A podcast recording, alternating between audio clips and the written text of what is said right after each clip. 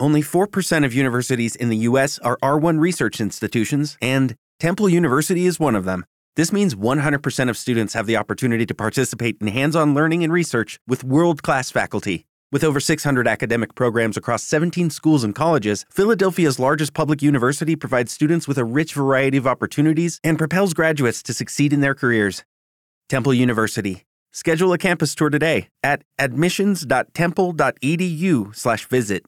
Ceyhun təşəkkürlər və yeri gəlmişkən şəhərin rəngi qıpqırmızıdır ya. 2 gün sakitləşdiniz, maşını qoydunuz qırağa. Dediniz ki, "Ay, bəs avtobusla gedim, taksi ilə gedim, metro ilə gedim, indi hamı dayanıb yolun ortasında." Ay qardaş, Maşınsız olarmış da. Maşınsız hərəkət eləmək olarmış da. Niyə belə dərhal da avtomobilə keçirsiniz? Hə, şəhərin vəziyyəti qıpqırmızı, şəhərdə tıxac, efirdə avtostopda axşamınız xeyirli olsun dostlar. Bu gün biz sürücülük vəsiqəsi ilə bağlı imtahanla danışacağıq. Baxın, sürücülük imtahanda nələrin əlavə edilməsini və ya çıxarılmasını istərdiniz? Gəlin razılaşaq ki, uzun illərdir, uzun illərdir, hətta e, belə deyək, Sovet dövrünə dayanan bir məsələdir. Uzun illərdir ki, eyni cürdür. 10 sual, Daha sonra da get praktiki imtahan praktiki imtahanda avtomobili sürməyə. 10 suala 9-una cavab verib sürücü olmaq mənə gəlir ki, bir qədər ədalətsizdir. Çünki biz adamın həmin bilə, biliyini 9 sualla, 10 sualla qiymətləndirə bilmərik. Bu mənim subyektiv, subyektiv təkrar edirəm fikrimdir. Və ə, məncə artıq sürücülük vəsiqəsinin qəbuluna bağlı imtahan qaydalarında müəyyən sərtləşmələr, yeniliklər, ə, yüksək texnologiyanın verdiyi nəticələrdən ə, faydalanaraq yeniliklər eləməyin zamanı çatıb. Bu mənim yenə təkrar edirəm subyektiv fikrimdir. Və deyin görək, sürücülük imtahanına nələrin əlavə edilməsini və ya çıxarılmasını istərdiniz? 404 1122 telefon nömrəmizdir. Yol hərəkəti ilə bağlı ürəyiniz hardan istəyir sual verin, mən sizin sualınıza cavab verəcəm. 050 730 2010 WhatsApp nömrəmizdir. Səsli mesajlarınızı da göndərə bilərsiniz. What if you could have a career where the opportunities are as vast as our nation, where it's not about mission statements, but a shared mission? At U.S. Customs and Border Protection, we go beyond to protect more than borders from ship to shore, air to ground. Cities to local communities, CBP agents and officers are keeping people safe. Join U.S. Customs and Border Protection and go beyond for something far greater than yourself. Learn more at cbp.gov/careers. Temple University is ranked among the top 50 public universities in the U.S. Through hands on learning opportunities and world class faculty, Temple students are prepared to soar in their careers. Schedule a campus tour today at admissions.temple.edu/slash visit. Beləliklə, sürücülük imtahanına nələrin əlavə edilməsini və ya çıxarılmasını istərdiniz?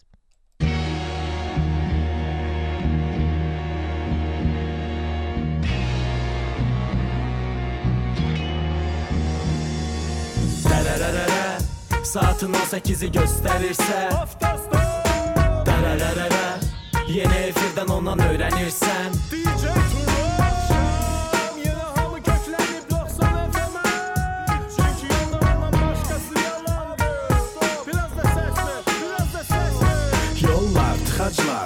mövzusudur Bu iki tərəfli oyun ama o udur. Ölkədə hamının üstünə qaçdığı Yol hərəkəti haqda mövzular açdığı Adam odur Artıq hamı onu belə tanıyır. Çox adam onu bilməyəcək deyə sınıyır. Amma bayaq dediyim kimi o bilir işi. Yol qayda qanunları onun vərdişi Axşam saat 6 oldu hamı qonur eyni dalğaya. Artıq 11 ildir ehtiyac yox yeni dalğaya. Yoxlanılmış şeylər yaradır dəyər Ona görə hər axşam onu dinləməyə dəyər. Bax dostum, əgər sən bir gün yaransa sualın utanma, çəkinmə. Dərhal axtar tap turalı. 012 404 11 22 Yığ və efirə qoşaq Biz zəngi Yolda. Ver. Səsi görəcəksən dinləyir Hamı eyni kəsi dinlə Get Rahat tural deyəcək Haralardan sürəsən yolda. Ver. Səsi görəcəksən dinləyir Hamı eyni kəsi dinlə Get Rahat tural deyəcək Haralardan sürəsən 012 404 1122 Yayımımıza qoşula bildinizsə, deməli sizin çox gözəl bəxtiniz var. 050 730 2010 Nə sualın varsa WhatsApp-a yaz. Nə sualınız varsa WhatsApp-a yaza bilərsiniz. Mənim adım Turaldır. İctimai Radio 90 FM-i dinləyirsiniz. 404 11 22 telefon nömrəmizdir. 050 730 20 10 WhatsApp nömrəmizdir və sürücülük imtahanda nələr əlavə olunsun, nələr dəyişsin. Bax bu barədə söhbət eləyirik. Həmçinin mənim sizə əlavə bir sualım da olacaq. Bilirsiniz ki, avtostopda həmişə ikili mövzular olur. Həm yol hərəkətindən danışırıq, həm də həyati mövzulardan danışırıq. Çünki yol hərəkəti belə baxanda, gəlin səmimi etiraf edək də, ə, suallar adətən eyni formatdadır, eyni cürdür. İki, e, biraz maraqsızdır. Amma biz yolda həmişə eyni mövzuda danışmırıq axı. Yəni siz sükun arxasındasınız bu dəqiqə. E, tutaq ki, e, avtostop yoxdur. Yanınızda bir sərnişin var və ya telefonla danışırsınız. Həmişə müxtəlif mövzularda söhbət eləyirsiniz. Yəni ona görə də mən avtostopu daha belə avtomobildə və ya ə, avtomobildən kənarda evdə dinləyirsinizsə evdə olsun ə, və ya yol bu dəqiqə axşam gəzintisindəsinizsə axşam gəzintisində olsun. Gündəlik edə biləcəyiniz maraqlı mövzuları da ortaya atmaqla həm də sizin fikirlərinizi almaq istəyirəm. Çünki sizin fikirləriniz mənim üçün çox maraqlıdır. Həmişə mən danışmayacağam ki, siz də danışın da. Michael Faster yazır ki, Faster. Mən başa düşmürəm. Bir Azərbaycanlı niyə öz adını başqa cür qoyur da? Yəni sosial şey. Yaz adı kim? Mikail e, tutaq ki, məsəl üçün də Məmmədov. Yəni Michael Faster yazır ki, sürücülük vəsiqəsi BS və s. mövcud olduğu zaman yeni sinif D, D, C, E kateqoriyaları əlavə edilmək istəyərkən yenidən bilik, yazılı imtahan tələbi çıxardılmalıdır. Yalnız praktiki imtahan olmalıdır. Mən Türkiyədə A, D sinifi əlavə etdirmişəm mövcud vəsiqəyə. Yalnız sürmə vərdişlərinə imtahan vermişəm, yazılı yox. Yazılı yalnız ilk dəfə vəsiqə alanda olur və salam. Sonra yalnız əlavə etmək istədiyiniz sürücü kateqoriya kursunu bitirib o kateqoriya üzrə praktik imtahanı verməlisən. Məncə məntiqlə bu belə olmalıdır. Mehdi Əskərli yazır ki, mütləq dərslərə gedilməli və sürmə təlimi keçirilməlidir. Aynur Əliyeva yazır ki, sürücülük imtahanını asan xidmətə versinlər. Hər dəfə vaxtı bitmiş vəsiqə dəyişdiriləndə yenidən imtahana cəlb olunsun sürücü. Niyə? Aynur? Elə dünyada elə praktika yoxdur axı. Adam bir dəfə imtahan verir və salam. Ə, təkrar imtahanı o zaman cəlb olunur ki, onun bilikləri haqqında şübhələr yaranır. Tural Məmmədov yazır, davranış və ünsiyyət bacarıqlığı müsahibəsi Tahir Qurbanzadə bizdə mütləq məntiqi imtahan olmalıdır. Əlavə. İqbal Musazadə yazır ki, imtahanları keçirməyə Dövlət İmtahan Mərkəzinə versinlər. Abid Qasımov yazır ki, bizdəki suallar çox mürəkkəbdir. Elə bil suallar qəsdən elə salınır ki, sürücülük vəsiqəsi ala bilməyəsən. Məsələn, normalda yolun sağ tərəfindəki nişan sağa dönməni qadağan edir yerinə Yolun sol tərəfindəki ağacla üzbəüz sağ tərəfindəki mavi yaşıl nişan sizin sola yox, düzünə yox, sağa dönmənizə icazə verir. Sual da orada nədir? Yəni sağ e, yolun yolun sağ tərəfindəki nişan sağa dönməni qadağan edir. Sualın əvəzinə Yolun sol tərəfindəki ağacla üzbəüz, sağ tərəfindəki mavi yaşıl nişan sizin sola yox, düzünə yox, sağa dönmənizə icazə verir. Əgər sual doğrudan da belə olubsa, ə, həqiqətən biraz maraqlıdır, amma zaman-zaman imtahana düşən belə qəribə, fantastik suallar da olur. Ə, bu biraz adamı həqiqətən də pəjmürdə hal eləyir, amma yekunda sürücülük vəsiqəsi alan şəxsə ə, onun məncə təhlükəsi ilə bağlı bilikləri də yoxlanmalıdır. Məntiqi suallar verilməlidir. Ə, hətta məsələn mən Amerika Birləşmiş Ştatlarında sürücülük vəsiqəsi üçün olan suallardan birini deyim sizə. Amerikada siz əgər sürücülük vəsiqəsi üçün imtahan verirsiniz, sizin qarşınıza belə bir sual çıxa bilər. Dairənin məqsədi nədir? Yəni bir yol ayrıcında dairəvi hərəkət təşkil edilməyi məqsədi nədir? Belə sual verirlər. Və ya sual belədir. Amerikada imtahan sualıdır bu. Dəqiq deyim sizə. Ə, sual belədir. Qırmızı işıqda sağa ən təhlükəsiz halda sağa necə dönə bilərsiniz? Yəni sizin beyninizi, fikrinizi, beyninizi işlədərək fikrinizi alır. Siz düşünürsüz orada. Doğrudan da qırmızıdan sağa dönmənin ən təhlükəsiz yolu nə ola bilər? Bu çox ə, maraqlı belə ə, üsullardan biridir. Məncə də ə, imtahan suallarına yenidən baxılmalıdır. Ə, Amerikada ümumiyyətlə xırdalıqlara varmağı xoşlayırlar. Məsələn, toyuğun üstündə yazırlar ki, tərkibində toyuq var. yəni əslində biraz girəndə daha məntiqli olur da. Məsələn, bir yuyucu vasitədirsə, maye vasitəsidir. Üstünə yazırlar ki, içmək olmaz. Çünki adam fikirləşə bilər ki, bu mayedirsə içim də. Yəni onun üstünə yazırlar ki, içmək olmaz və ya nə bilim, tutaq ki, heyvanı çimizdirə bilməzsən bununla. Bu da ə, ə, Amerikada qanunvericilik belədir də. Yəni orada təcrübədən də olan qanunvericilikdir. Bunu yaşayırlar. Kimsə belə bir qərar verir, kimsə belə bir pis təcrübə yaşayır. Ona uyğun olaraq qaydalar müəyyən olunur. Ə, həm də bunu belə deyək də məhkəməyə görə edirlər. Çünki məhkəməyə verə bilərlər ki, sən niyə yazmamısan ki, bunu içmək olmaz və milyonlarla pul tələb edilə bilər. Ə, amma imtahan sualları həqiqətən də çox məntiqlidir. Mən onlarla tanış olmuşam bu günlərdə ki, e, Amerikada imtahana düşən suallar. Məsələn, deyir ki, Amerikada düşən imtahan suallarından biri piyada piyada keçidinə yaxınlaşdıqda sürücü nə etməlidir? Demir ha, bu yolda piyadaya yol vermək olarmı? Ya verin, baxırsan yol vermək olar. Təhlükəsiz düşünməni təbliğ edir. Yəni indi mən ə, Almaniyada, ə, tutaq ki, Belçikada və İspaniyada imtahan sualları ilə də maraqlanacağam və oradan da bir ə, məlumat almaq istəyəcəm. Görək orada imtahan sualları necədir. Bəs siz bizdə sürücülük vəsiqəsinin imtahanlarında nələrin dəyişməsini, nələrin əlavə olunmasını, nələrin azaldılmasını istəyirsiniz? Bax bu barədə danışırıq. 404 11 22 telefon nömrəmizdir. 050 730 20 10 WhatsApp nömrəmizdir. Səslə mesajlarınızı göndərə bilərsiniz. Şəhərdə tıxacdır, efirdə avtostopdur.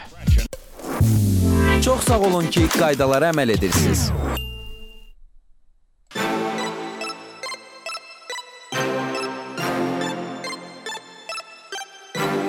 Avtomobil idarə etmək oyun deyil. Oyunda yenidən canlanma mümkün olsa da, həyatda bu mümkün deyil. Ona görə də oyunla həyatı qarışdırmayaq. Amma oyunların tarixinə nəzər salaq. Avtostopda oyun çıxartma rubrikası. ABŞ-ın Valve şirkəti 1996-cı ildə Microsoft-dan çıxmış 2 nəfər tərəfindən yaradılıb. Bu qərar onları işçidən milyonçuya çevirdi. Amma maraqlıdır ki, Valve şirkətinin bəzi oyunlarını oynayan şəxslər də milyonçu ola bilər. Söhbət Dota 2 oyunundan gedir. Bu oyun üzrə sonuncu çempionatda mükafat fondu bizim pulla 32 milyon manata çatırdı. Dota 2 çox nəfərli onlayn döyüş oyunudur. O 2013-cü ildə yaradılıb. Statistik məlumatlar deyir ki, hər gün təxminən yarım milyon insan Dota 2 oynayır. Bu, oyun sənayesi üçün heç də kiçik göstərici deyil. Dota 2 o qədər məşhurdur ki, onun əsasında hətta serial da çəkilib. Cənubi Koreya tərəfindən istehsal olunan animasiya serialının sonuncu mövsümü bu ilin yayında təqdim edilib. It is Ryan here, and I have a question for you. What do you do when you win? Like, are you a fist pumper?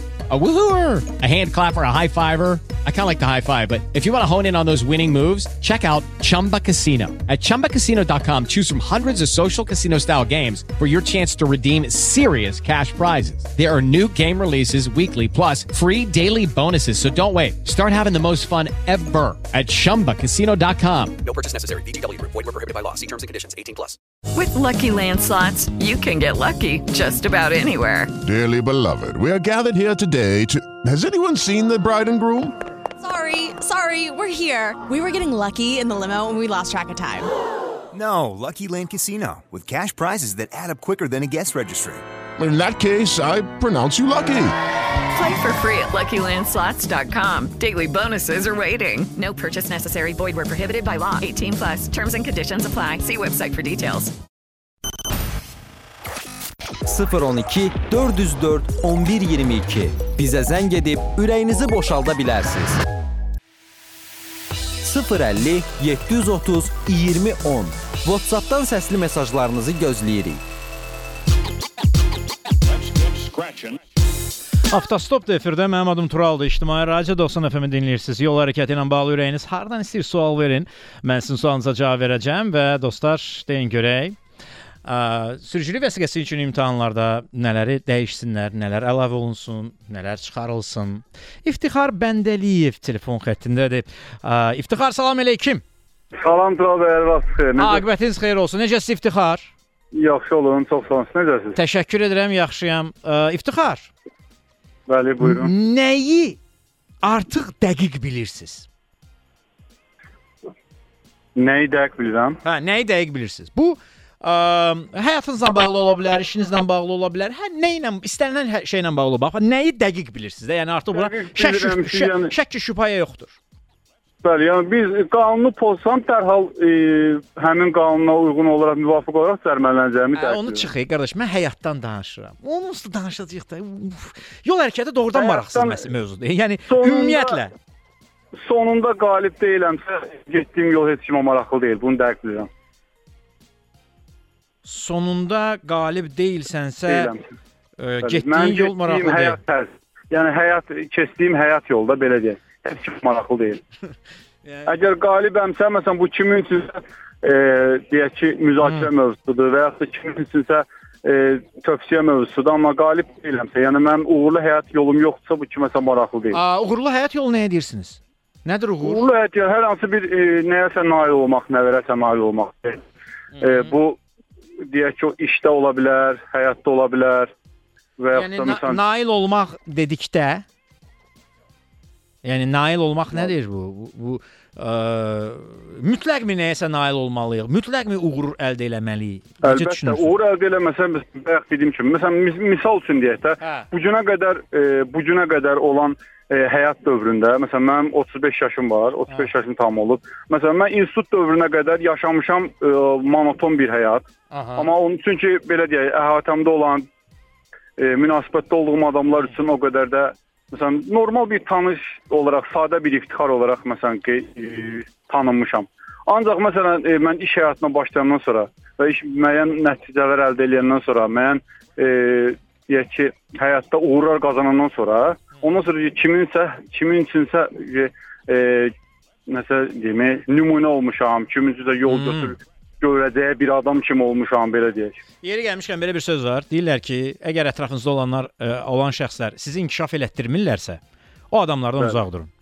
Yəni, Əlbəttə, mütləq sizin bəli. ətrafınızda sizi inkişaf elətdirən adamlar olmalıdır. Bu inkişaf elətdirmə biznes ola bilər, mənəviyyat ola bilər, idman ola bilər, sağlam qidalanma ola bilər, ə, həyata bağlı təcrübələr ola bilər və s. Amma əsas odur inkişaf olsun. Yəni ə, amma hər gün eyni cür, yəni sənin oyandığın hər səhər dünən oyandığın səhərlə eynilik təşkil edirsə, gün ərzində bu gün yaşadığın gün dünənkinin ə, surətidirsə və ya Monoton ə, deyək də, Hə, kopyasıdırsa, deməli sən Bəli. həyatında nələrsə ə, puzzle dağıtmalı və yenidən qurmalısan. Ə, bu- yeri gəlmişkən Seth Godin ə, The Deep ə, baş vurma, dalma və ya batmaq kimi də tərcümə edə bilərik o kitabın adını, amma The Deep deyirlər ona.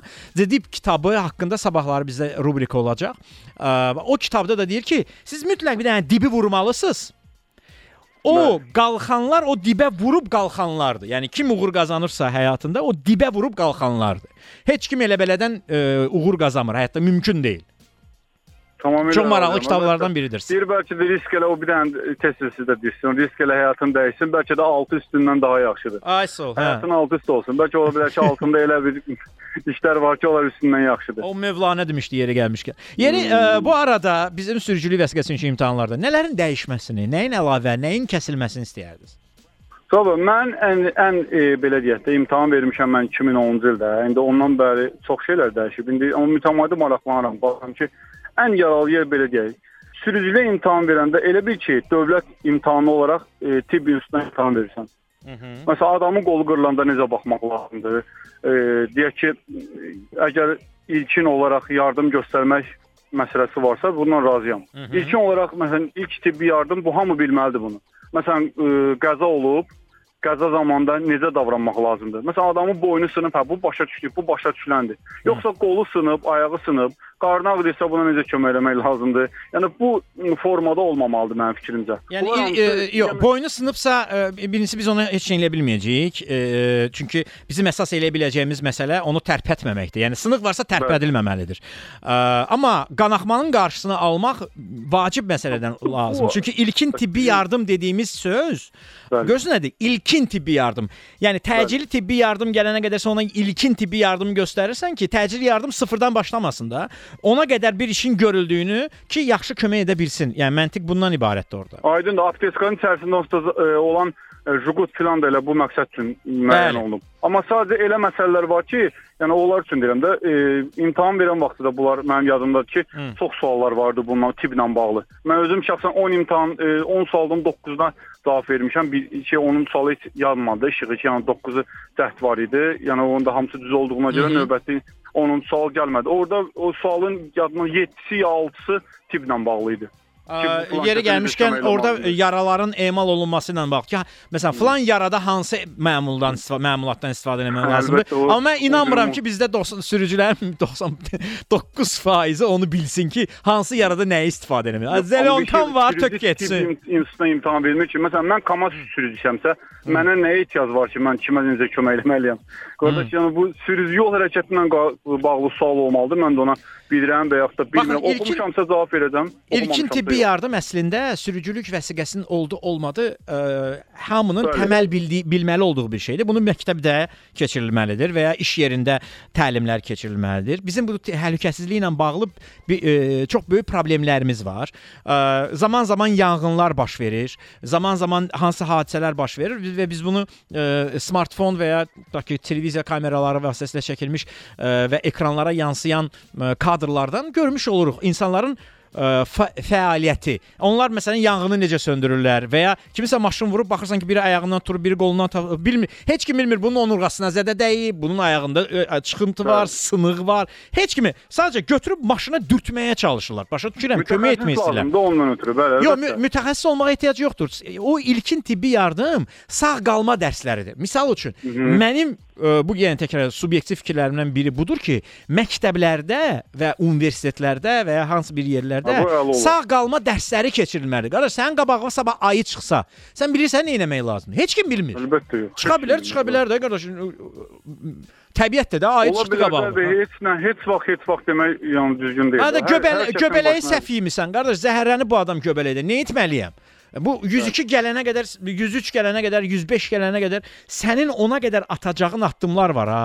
Bunlar önəmlidir. Məsələn, yanğın təhlükəsizliyi ilə bağlı biliklərimiz çox aşağı səviyyədədir. Bu dəqiqədən bir bir ölkədə nə qədər bazar yanar, ey qardaş.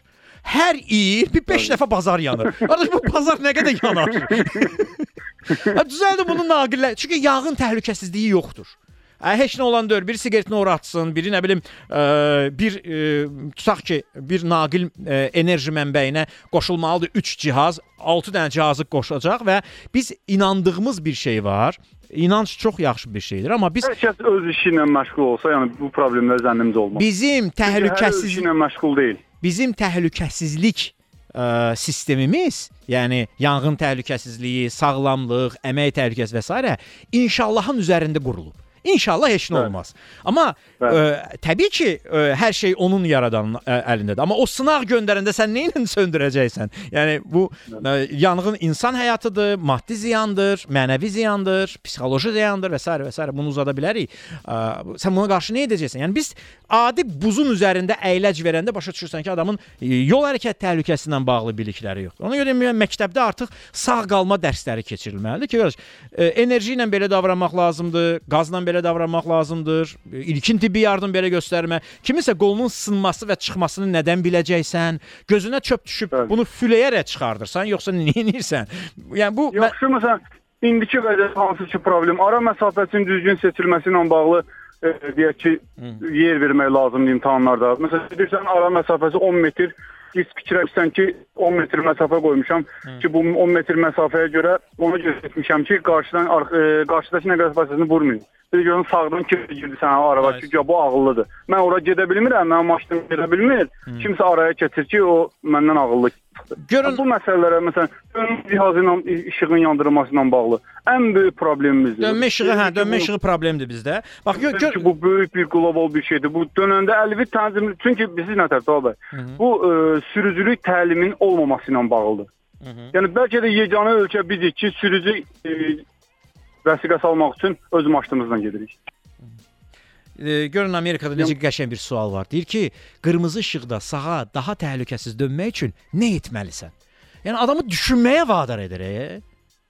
Və sən orada bir neçə punkt seçməlisən. Yəni 5 punkt verir. 3-ünü düz seçdin, imtahanın bu sualına doğru cavab verim. Yəni sən daha təhlükəsiz düşünürsən demək. Yəni insanın təhlükəsiz düşünməyini şey eləyir. Yəni stop nişanını hamı bilir, qırmızı işığı hamı bilir, amma ə, daha təhlükəsiz necə hərəkət edə bilərsən? Bəli. Ha, bunu ar- artıq öyrənməlisən. Yaxşı, buyur, e, iftixar sualın var idi. Deməli, e, Tural bəy, bir dənə belə bir sual var. Bu çox qəribə bir məsələdir. Mənə cərimə gəlib, deməli Mərdonov qardaşları küçəsində Rusiya e, səfirliyinin yanı. Yol vermədimləməyimlə bağlı. Yəni orada mən e, bir e, nüans xatırlayıram ki, məsələn indiyə qədər gəlib e, deyək ki, yol ərizinin keçilmə qaydasının pozulması ilə bağlı protokol gəlib, amma protokolda nə deməli e, MMX məsələləri yoxdur ki, yəni bu necə qeyd alınıb? Kim qeyd alıb bu protokolu? Protokol da qərarsızdır. Aydındır. Yəni orada bir şey xatırlayıram ki, mən e, maşın gəldi sola döndü. Mən də ondan e, ki, o, ondan əvvəl girdim mən yol ayrıcına və sürətdə də motor böyük motordur. Sürətlə abrot verdim, keçdim. Yəni onun nə hərəkət sürətinə, nə hərəkət istiqamətinə mane olmadım. Hardasa ondan bir 2-3 kilometr sonra e, yol e, patrul xidmətinin əməkdaşı saxladı və iradı bildirdi. Mən də ona izah elədim ki, yəni burada məsələ budur. Mən bu maşını ona görə böyük motor almışam ki, bu məni vəziyyətdən çıxartsın. Mən Bu, bu MMX deyil axı. O, o həmin inspektorun sizə Deyil, yazdığı əlbəttə, protokol. Hə, inspektorun yazdığı e, protokoldur. Protokol, məsələn, protokolla bağlı o mənə dedi protokol tərtib eləyə bilərəm. Mən öz elədim ki, protokol tərtib etsin, mən ondan razı deyiləm. Protokolu mən sizə verməliyəm, dedim, mən onu qəbul etmirəm. Və siz e, mən bildiyim qədər yol patrul xidmətinin əməkdaşı xidmət apararkən vizual görsənən o yerdə olmalıdır. Yəni hardasa gizlənib mənə e, gəlib irad bildirə bilməz. Yəni mən bu çünki bu günə qədər də bunu belə bilmişəm. Yox, sizin da- yox, sizin ə, vəziyyətinizdə ə, məsələ sizin o qaydanı pozub pozmamağınızdır. Bəli, mən qaydamı mən yenə deyirəm də, birinci növbədə mən o qaydanı pozmamağım məlumdur. Pus mübahisə mövzusunda mən izah elədim ki, yəni siz vizual e, olaraq mən sizi görmürəm. Siz gizlənib e, xidmət aparırsınız. Bu sizin birinci tə, e, polis haqqında təlimatınızı pozmaq deməkdir. Yol bir. patrul xidməti haqqında təlimat göstərib ki, yol polisi göz, görünən ağacların, ə, işıq dirəklərinin, reklam şitlərinin və ya avtomobillərin arxasında ə, dayanaraq xidmət, gizli xidmət aparmamalıdır. Yol patrul xidməti haqqında təlimatda bu var. Bəli, razıyam sizinlə. Bəli, aparmamalıdır. Amma irad bildirməməli, yox, ildirə bildirə bilməzsən şeyi orada yoxdur amma. Gəlin dəqiq İrad deyək. bildirməli, bildirməməli demirəm. Və sadəcə indi mən o maşına mən yol həqiqətən ya onunla razıyam ki, mən o maşından əvvəl keçdim. Ancaq mən Amma onun həmin avtomobil hə, qəflətən dayandı, hərəkət istiqamətini Xeyr, dəyişdi yoxsa nə yox? dayanmadı, nə heç mənə çatmadı həmin avtomobil. Aydındır. O zaman Mərdanov qardaşları küçəsi, Rusiya səfirliyi də orada yerləşir. Bakıxanov Mərdanov qardaşları Hı -hı. küçəsinin kəsişməsi. Ə, təhlükəsizlik kameraları ilə zəngin bir küçədir. Ə, siz 20 gün ərzində protokoldan şikayət edin, video görüntüyə baxılsın. Video görüntüyə baxılaraq müəyyən ediləcək. Əgər həmin nəqliyyat vasitəsi, çünki yol verin tərifində göstərir. Yol ver nədir? Ə, üstünlük hüququna malik olan nəqliyyat vasitəsinin qəflətən hərəkət istiqaməti və sürətinin dəyişməsinə səbəb olan hərəkət və ya hərəkətsizlikdir. Yəni sənə görə qəflətən ə, anidən, gözlənilmədən Dayanıbsa. sinonimlərini deyirəm. Ya dayanıbsa və ya ə, istiqamətini dəyişibsə, ə, bu qayda pozuntusu hesab olunacaq. Bax, əyləc işıqları yanır. Bu ə, variant deyil, çünki əyləc işıqlarının yanması hamı yol ayrıcına daxilində daxil olanda əyləcdən istifadə edir. Məsələ odur ki, qəflətən, yəni anidən dayanmış olsun və ya sənə dəyməsin deyə istiqamətini dəyişsin. O, o da görüntüyə baxılacaq və məncə protokoldan şikayət eləyir. Bəli, indi mən onun şikayəti necə eləməliyəm? Onu mən e, Sizə baxdım, şəhər e, baxın baxın sizin də e, vəziyyət nə yerdədir? Sizin protokol qa, qanun nə deyir? Yol polisi protokolu yazır, qərar vermir. Sən o protokoldan 20 gün ərzində şikayət edirsən, göndərir daha yuxarı Bəli. orqana. E, sən 20 gün ərzində şikayət etməlisən. Şikayəti yazılı surətdə edə bilərsən, elektron qaydada edə bilərsən, bilavasitə şəhər dövlət yol polisi idarəsinə gedərək edə bilərsən. Çünki hadisə baş verib şəhər dövlət yol polisi e, idarəsinin inzibati ərazisində. Bəli, indi mən indi ha, e, məsələn elektron olaraq mən özüm Mingəçevirdə yaşayıram. O zaman e-müraciət mia.gov.az və ya Asanpay-də şikayət et düyməsini basırsınız, oradan göndərirsiniz. Asan Payda, aha. Bəli, Asan Payda 15 gün şikayət. ərzində sizin müraciətinizə cavab verilməlidir. Hı -hı. Deməli indi e, bir dənə də məsələ onu da dəqiqləşdirək. Deməli məndə e, texniki baxışın müddəti 19-u bitir. Hı -hı. Yəni şikayətin müddətinə şikayət edəndə texniki baxışa görə yəni keçə bilmərəm yəqin texnik baxışdan şikayət Ə, eləməsəm. yox, qanun nə deyir? Qanun deyir ki, hələ qərar texniki baxışın qaydalarında göstərilir. Qanuni qüvvəyə minmiş və icra edilməmiş cərimələr. Qanuni qüvvəyə minmiş və icra edilməmiş. Hə. Qanuni qüvvəyə minməyib, sən şikayət qərar. sən şikayət eləyəndən sonra o artıq icra edilmir. O artıq şikayətin müddətinin sonuna qədər gözlənilir. Yəni qanunda bu da var. Ha, demə onu da texniki baxışdan keçirməyə borclular. Əlbəttə keçirməyə borclu. Orada ki, qanunu qüvvəyə minmiş və icra edilməmiş. Qüv- Qüvvəyə minməyib. 1, 2 şikayət eləmişəm. Niyə ödəməliyəm? ki? Təşəkkür edirəm, çox sağ olun. Mən təşəkkür edirəm. Çox son zənginizə görə minnətdaram. 404 11 22 zəng edirsiniz. 050 730 20 10 WhatsApp nömrəmizdir.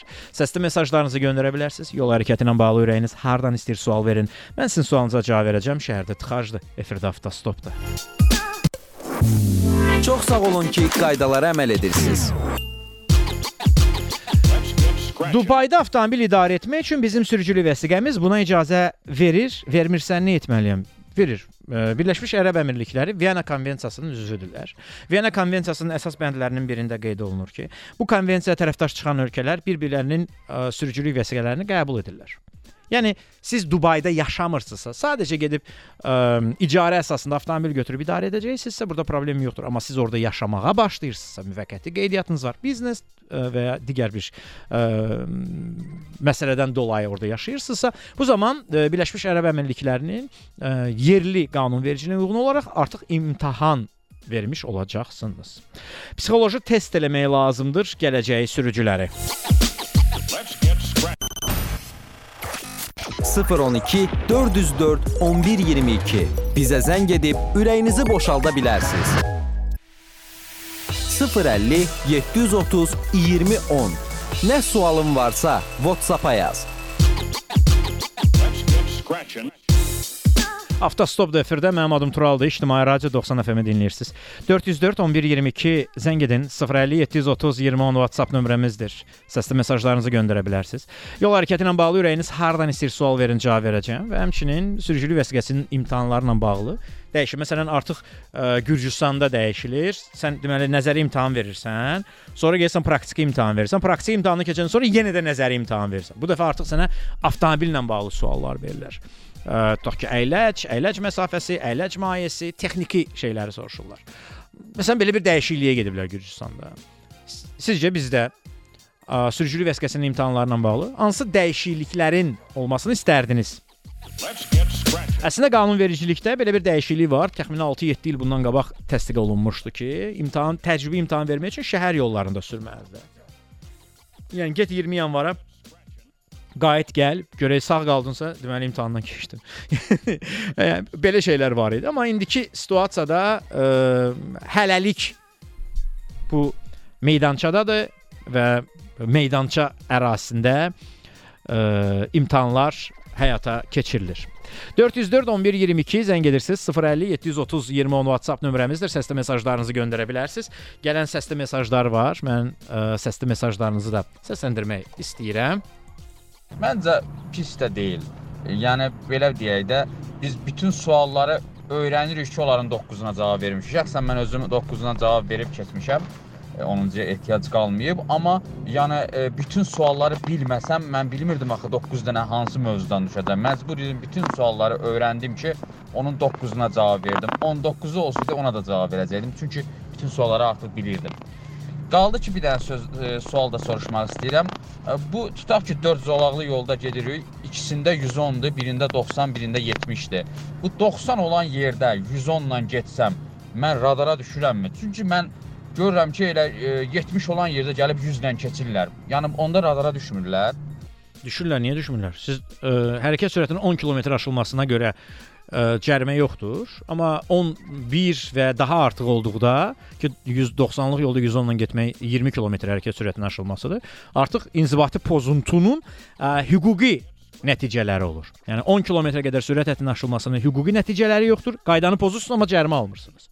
20 km hərəkət sürətini aşırsa 10 və 20 km hərəkət sürətinin aşılması 20 40 40 60 60-dan yuxarı ə, hərəkət sürətinin aşılması isə bunun hüquqi məsuliyyəti var. Yəni buna görə cərimə almış olursunuz. O ki qaldı ə, da- dediyiniz söhbətin ə, birinci hissəsinə, hansı ki mən bütün sualları bilməliyəm ki, olmasa 9-una cavab verim, amma burada təsadüf məsələsi var da. Yəni sən təsadüfən ikinci sualı ə, bilməyə bilərsən və imtahandan kəsilirsən. Bu sənin qanunu bilməməyin göstəricisi olmaya bilər. Misal üçün, ə, yoxuşda dayanmış nəqliyyat vasitəsi hərəkətə başladıqda neçə metr arxaya sürüşə bilər? Tipli sual verilsə və ya yoxuşun ə, və ya enişin ə, emmə bucağının faizlə göstəricisi nə deməkdir? Səhv edə bilərmi? Bəli, edə bilər. Çünki sual mürəkkəb sualdır. Və yekunda sürücü olaraq bu faizin nə qədər olması ilə bağlı sürücülərin çox hissəsinin heç təsəvvürü belə yoxdur. Bəlkə də adam ömür boyu yoxuş görməyəcək həyatında. Və ya o ona nə verəcək ki, o yoxuşun o faizlə hesablanması. Bilirsiniz, yəni ə, təsadüf nəticəsində o yenə imtahandan kəsilə bilər. Təsadüf nədir? Verilmiş mürəkkəb sualın cavabını bilməməkdir. Mənim təklifim subyektiv ə, yenilik təklifim bundan ibarətdir. Bu sözü subyektivliyi bildirirəm ki, bu belə də qətiyyət kimi çıxmasın. Ki, siz bunu mütləq belə eləməlisiniz. Yox. Təbii ki, hamımızda hər şeyin resepti yoxdur. Yəni mənim subyektiv fikrim ondan ibarətdir ki, imtahan suallarının sayı çox olmalıdır. Heç olmasa 50 sual. Ə, səhv cavab verdikdə onun limiti var təbii ki. Səhv cavab verdikdə adama yeni suallar verməklə şansına yoxlamaq. Yəni ola bilsin ki, həyəcandan o səhv cavab versin.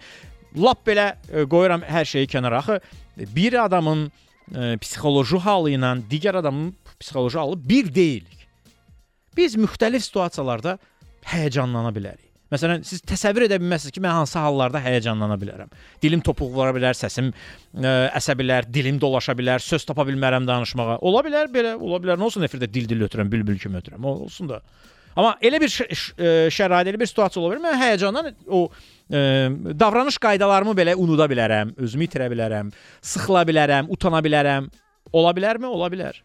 Bu da şey imtahanla bağlıdır. Adam gəlib 18 yaşı var. Və adama deyirlər ki, sən 10 sualdan 9-una düz cavab versən, praktiki imtahana girirsən. Birin və birinci sual. Flan yaranı emal etmək üçün hansı məhluldan istifadə etmək lazımdır?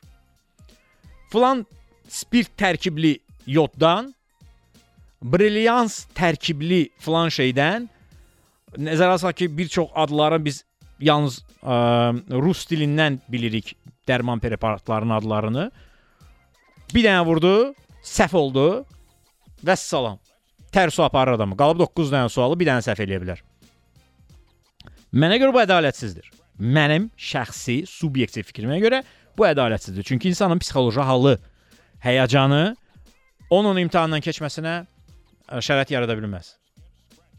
Həyəcanlıdırsa getsin həyəcanını öldür. E, olmur elə şey, e, qardaş. Yəni özünüzü mükəmməl kimi göstərməyə, çünki siz də bu vəziyyətə çatmaq üçün müəyyən həyəcanlardan, səhvlərdən və təcrübələrdən keçmisiniz. Ola bilməz. Adam bir həyəcanlanır, adam özünü itirə bilər. Ona görə o 51 var ki, sənin qabağında 50 sual var. Sən başa düşürsən ki, sənin şansın var. Bir də var ki, sən 10 sualdan birinə səhv cavab vermisən, oyda, bir dənə də səhv cavab vəssalam. Çamadanını götür çıx get. Yəni bu baxımdan məncə sualların sayı artmalıdır. İki suallar daha məntiqli olmalıdır. Düşündürücü olmalıdır. Yol ayrıcına piyada keçidinə yaxınlaşırsınız. Bu piyadalardan qorunmaq üçün və ya piyadaları qorumaq üçün sürücü ilk olaraq hansı tədbirləri görməlidir? Bu tipli sual olanda sürücü nə fikirləşir? A. Sürətimi aşağı salmalıyam. Sür e, piyadaları diqqətimdə saxlamalı, diqqət mərkəzində saxlamalıyam. Lazım gəldikdə dayanmalıyam. Belə bir sual sizə imtahanda düşüb yoxsa yox? Düşməyib. Sizə texniki şey düşür. Bu yolda e, yol polisinin verdiyi işarə sizə nəyi əmr edir? Ən çox nizamlayıcının o e, siqnallarında kəsilənlər var. Amma siz bu cür nizamlayıcı e, e, siqnallarını Bakı şəhərində, mən rayonları hələ demirəm, neçə dəfə görmüsüz? Yəni bizə sürücülərə sürü nizamlayıcılar iki siqnal verirlər. Bir fırladır, əlində belə sü- sürəti artır. Bir də e, üzünə yaxınlaşdırır ki, dayan. Və salam. Digər növ, e, növ e, işarə verməni biz bilmirik. Daha doğrusu yadımızda saxlamırıq çünki təcrübə olaraq yollarda görmürük. İzah edə bilirəm fikrimi? Yəni mən ə, Londonda olanda və ki dekabr və yanvar ayının əvvəllərində ə, Las Vegasda olanda orada yol ayrıcında dayanan nizamlayıcı görmədim. Ki hansı işarələr göstərsin. Hamı da gedirdi yoluna. Yəni artıq nizamlayıcının əmrləri bəlkə də köhnəlib. Çünki yol ayrıcı svetoforla nizamlanır. Svetofor və ya nişanlar olmadıqda sağ qol prinsipi ilə gedirsən. Uzağa gəldin, di- bir tərəfə göstərsən dayan, bir tərəfə gəlsən get. Yəni Sovet dövründə idi. Yol ayrıcı svetoforla tənzim olunmurdu. Yol ayrıcında nizamlayıcı dayanırdı. Məsələn, e, Niyazi küçəsi ilə İstiqlaliyyət küçəsinin kəsişməsində uzun müddət nizamlayıcı dayanıb. Hər iki tərəfi idarə etmək üçün Azneft dairəsində nizamlayıcı dayanıb. Sonra Rəşid Behbudovda nizamlayıcı dayanıb. İndi texnoloji olaraq buna ehtiyac yaranmır. İzah edə bilirəm də yəqin ki fikrimi. Yəni siz o nizamlayıcının əmrlərindən neçəsini yaxşı bilirsiniz. İki şeyi bilirsiniz: sürəti artır və dayan. Digərləri arxasından keçməlidir. Bu əmrdir. Arxasından keçməliyəm, qabağından keçməliyəm falan şey. Bu olmur axı bizdə. Şəraitdə təkcə biz təkcə bizdə yox, heç Parisdə də olmur, Londonda da olmur, Berlində də olmur. Yəni bizi yəqin ki xaricdən dinləyən e, dinləyicilərimiz var. Yəni Polşadan bir dəqiq bilirəm bizi dinləyənlər var, Britaniyada dinləyənlər var. Axırıncı və nizamlayıcı harda görmüsünüz? Ki oturub belə əməli başlı həm bütün siqnalları sizə verib. Verməyib. Yəni sizin burdan ə, təhlükəsiz sürmə ilə bağlı alacağınız nədir? Daha təhlükəsiz düşünmə, daha məntiqli düşünmə, psixoloji halların yoxlanılması. Mənə görə subyektiv fikrimdir, təkrar edirəm və zaman-zaman bu veriş ərzində bunu da bir də vurğulayacağam ki, bunu bir hökm kimi də qəbul olunmasın. Sonra ə, başqa mənaya yozula bilər. Ə, subyektiv fikrim ibarətdir ki, imtahan sualları daha artıq yola uyğun olmalıdır. Təhlükəsiz düşünmə və psixoloji hal. Adam yol hərəkəti qaydalarını çox yaxşı bilə bilər, amma yolda qeyri-adekvat ola bilər. Bu yoxlanmalıdır. Avtostop davam edir. 050 730 2010. Nə sualın varsa WhatsApp-a yaz. Nə sualın varsa WhatsApp-a yaz. Mənim adım Turaldır. İctimai Radio 90 FM-i dinləyirsiniz. Yol hərəkəti ilə bağlı ürəyiniz hardan istəyir sual verin. Mən sizin sualınıza cavab verəcəm və deyin görək. Sürücülük vəsiqəsi imtahanında nələr dəyişsin? Hansı yeniliklər olsun? Gələn ə, suallar var. İşdə görə xalq nə deyir? Salam, axşamınız xeyir olsun Tural müəllim. Hər kəs salamlayıram. Düşünürəm ki, bizdə nəzəri suallar çox olsa yaxşıdır, problem deyil. Yəni nəzəri nəzəriyyə olmalıdır. Amma nəzəriyyənin içərisində bir qrup olaraq suallar olsun. Həmişə məsələn suallar düşür, deməli yol işarələrindən. Yaxşı olar ki, sınıqlardan, o dismurqiya var, onlardan. Yaxşı olar ki, şassidən, motorxanadan, e, sürücü kabinasındakı olan işarələrdən, e, sonra sürücü mədəniyyəti ilə bağlı Mütləq salam əleykum Tural müəllim. Mütləq belə bir sual əlavə eləmək lazımdır ki, görürsən üstünə Prius gəlir, nə etməlisən? İndi orada ə, belə də model və marka olmadan üstünə nəqliyyat başqa bir nəqliyyat vasitəsi gəlirsə, sənin edəcəyin hərəkətlərin ardıcıllığı nədən ibarətdir? Məsələn, əks istiqamətə çıxan nəqliyyat vasitələri ilə toqquşma bizdə ikinci yerdədir. Ötmə ə, deməli birinci yerdə bir də sürət həddinin aşılmasıdır qayda pozuntularının arasında qəza və ölümlə nəticələnən qəzalardır. İkinci yerdə əks istiqamətli ə, nəqliyyat axınına qarşı çıxmaqdır.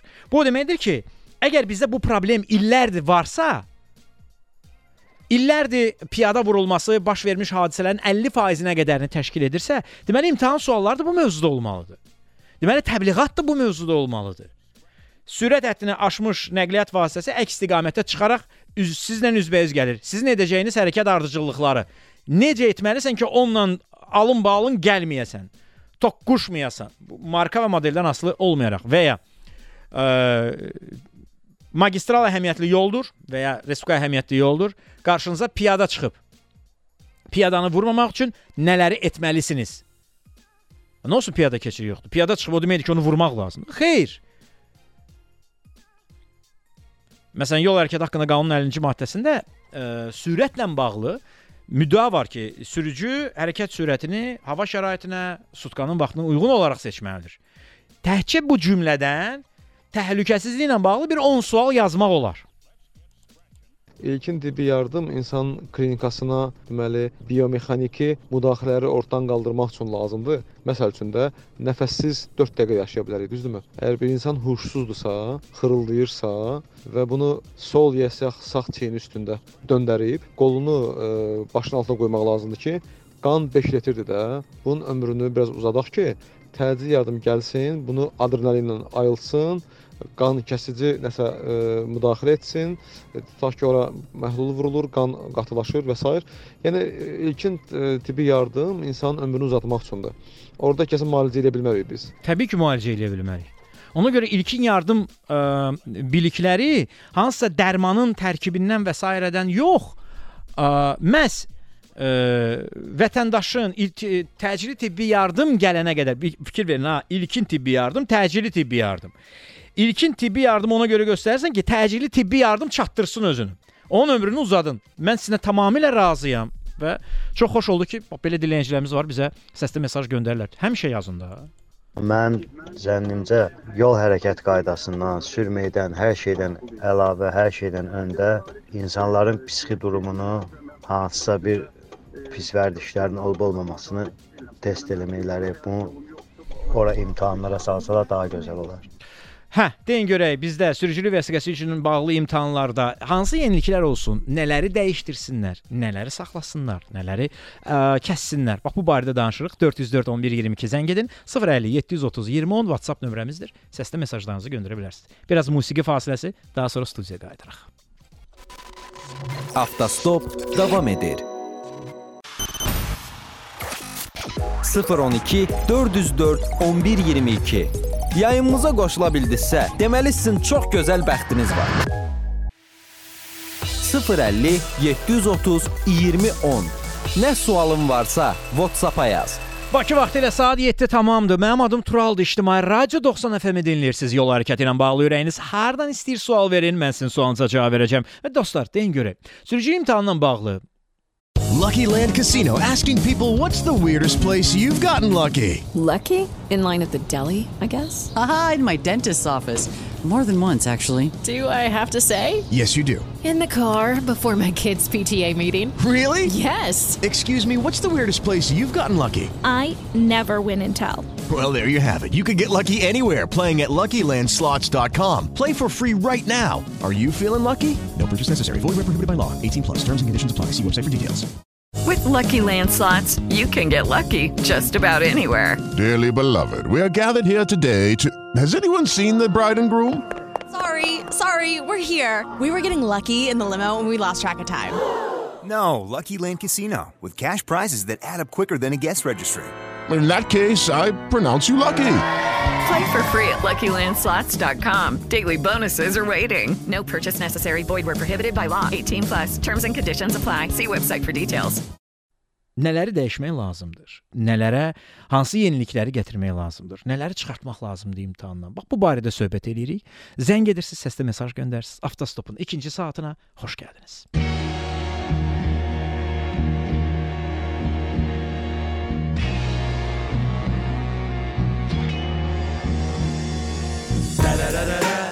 Saatın 18-i göstərirsə Dərərərərə Yeni efirdən ondan öyrənirsən DJ Turan Yine hamı köklenip 90 FM'e Çünkü yalandan başkası yalandı. Biraz da ses ver, biraz da ses ver. Yollar, tıxaclar onun mövzusudur Bu iki tərəfli oyun amma o udur. Ölkədə hamının üstünə qaçdığı Yol hərəkəti haqda mövzular açdığı Adam odur Artıq hamı onu belə tanıyır. Çox adam onu bilməyəcək deyə sınıyır. Amma bayaq dediyim kimi o bilir işi. Yol qayda qanunları onun vərdişi. Axşam saat 6 oldu hamı qonur eyni dalğaya. Artıq 11 ildir ehtiyac yox yeni dalğaya. Yoxlanılmış şeylər yaradır dəyər Ona görə hər axşam onu dinləməyə dəyər. Bax dostum, əgər sən bir gün yaransa sualın utanma, çəkinmə. Dərhal axtar tap turalı. 012 404 11 22 Yığ və efirə qoşaq Biz zəngi Yolda. Ver. Səsi görəcəksən dinləyir Hamı eyni kəsi dinlə Get Rahat tural deyəcək Haralardan sürəsən yolda. Ver. Səsi görəcəksən dinləyir Hamı eyni kəsi dinlə Get Rahat tural deyəcək Haralardan sürəsən Piyada keçidində piyadalara yol verdiyinizə görə təşəkkür edirik. 012 404 1122 Avtostopdasız. Zəng eləyin. 050 730 2010 Nə sualın varsa WhatsApp-a yaz. Avtostopda efirdə mənim adım Turaldır. İctimai Radio 90 FM-i dinləyirsiniz. Yol hərəkəti ilə bağlı ürəyiniz hardan istəyir sual verin, mən sizin sualınıza cavab verəcəm. Və bizə 3 il bundan öncə zəng etmiş Elşən Paşayev telefon xəttindədir. Elşən salam əleykum. Salam, axşamınız. Aqibətiniz xeyir, necəsiz Elşən? Allah razı olsun. Yenə də şükür siz Ə, yaxşı olasınız. Təşəkkür edirəm. Sizinlə sonuncu dəfə 3 il bundan qabaq danışmışıq və ümid edirəm ki, növbəti dəfə biz 2026-cı ildə danışacağıq.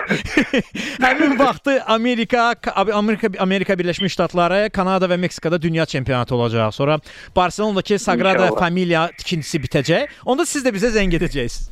Yaxşı. Elşən, nəyi artıq dəqiq bilirsiniz? Necə üzr istəyirəm, eşin başa düşmədim. Nəyi artıq dəqiq bilirsiniz? Yəni ona şək şübhəniz yoxdur. Bunu dəqiq bilirsiniz. Onu qoydunuz kənara ki, dəqiq bilir. Bu özünüzlə də bağlı ola bilər ha. Yəni özümlə bağlı nəyi dəqiq bilirəm. Və ya məsələn mən özümlə bağlı dəqiq onu bilirəm ki, bir də şəkərə geri dönüş dönüş edən deyiləm. Yəni şəkərli məmulatlar istifadəsi mənim həyatımda bitib. Yəni 5 ildir bunu edirəm. Bundan sonra da dəqiq bilirəm ki, eləməyəcəm onu. Qalan şeylərə söz vermirəm. Yəni onu dəqiq bilirəm ki, yəni Hə. e, mən hal-hazırda tütün məmulatından istifadə edirəm. Məsləhət ki, özümə də məsləhət görürəm ki, istifadə eləməyim, amma başqalarına da məsləhət görürəm ki, istifadə etməsinlər. Niyə tərk etmirsiniz Kerşən? Biraz iradə zəif olduğuna görə. İradəni gücləndirmək üçün nə etmək lazımdır? Onu da heç. Yenə də bir dənə də iradə lazımdır orada yəni. Yox, gəlin iradələrin yığıncağını eləməyək burada. Burada sadəcə sizin istəməyiniz lazımdır. Ə, çox ə, çox yaxşı ə, üsullardan biri Ə, bunu mən öz ə, atamda da görmüşəm. Daha sonra ə, çox dəyərli dostumuz Elçin Abbasovda da görmüşəm. Ə, o da ə, tütünə qarşı təbliğatın əsas belə üzvlərindən biridir ə, Azərbaycanda. Deməli, ə, sən sadəcə onu atırsan kenara kənara və həmin an üçün səndə nəsə tələb olunanda, çünki bu nədir? Sənin bədəninin nəyisə tələbidir də, dopamin hormonudur. Yəni sən o tütün məmulatını istifadə edəndə xoşbəx xoşbəxtlik hormonu ifraz olunur, məmnunluq hormonu ifraz olunur. Sən məmnun qalırsan. Bu ə, başqa bir şey deyil. Sənə məmnunluq hissi verəcəyən başqa bir məşğuliyyət edirsən. Misal üçün kişmiş yeyirsən, misal üçün ə, fıstıq yeyirsən, misal üçün xurma yeyirsən. Ə, az miqdarda belə deyək də kişmiş şəkər tərkibində bir şəkər var. Bu şəkər insanı xoşbəxt edir. Ə, şokolad yeyə bilərsən, şi- konfet yeyə bilərsən. Sənə o məmnunluq hissini gətirmiş olacaq.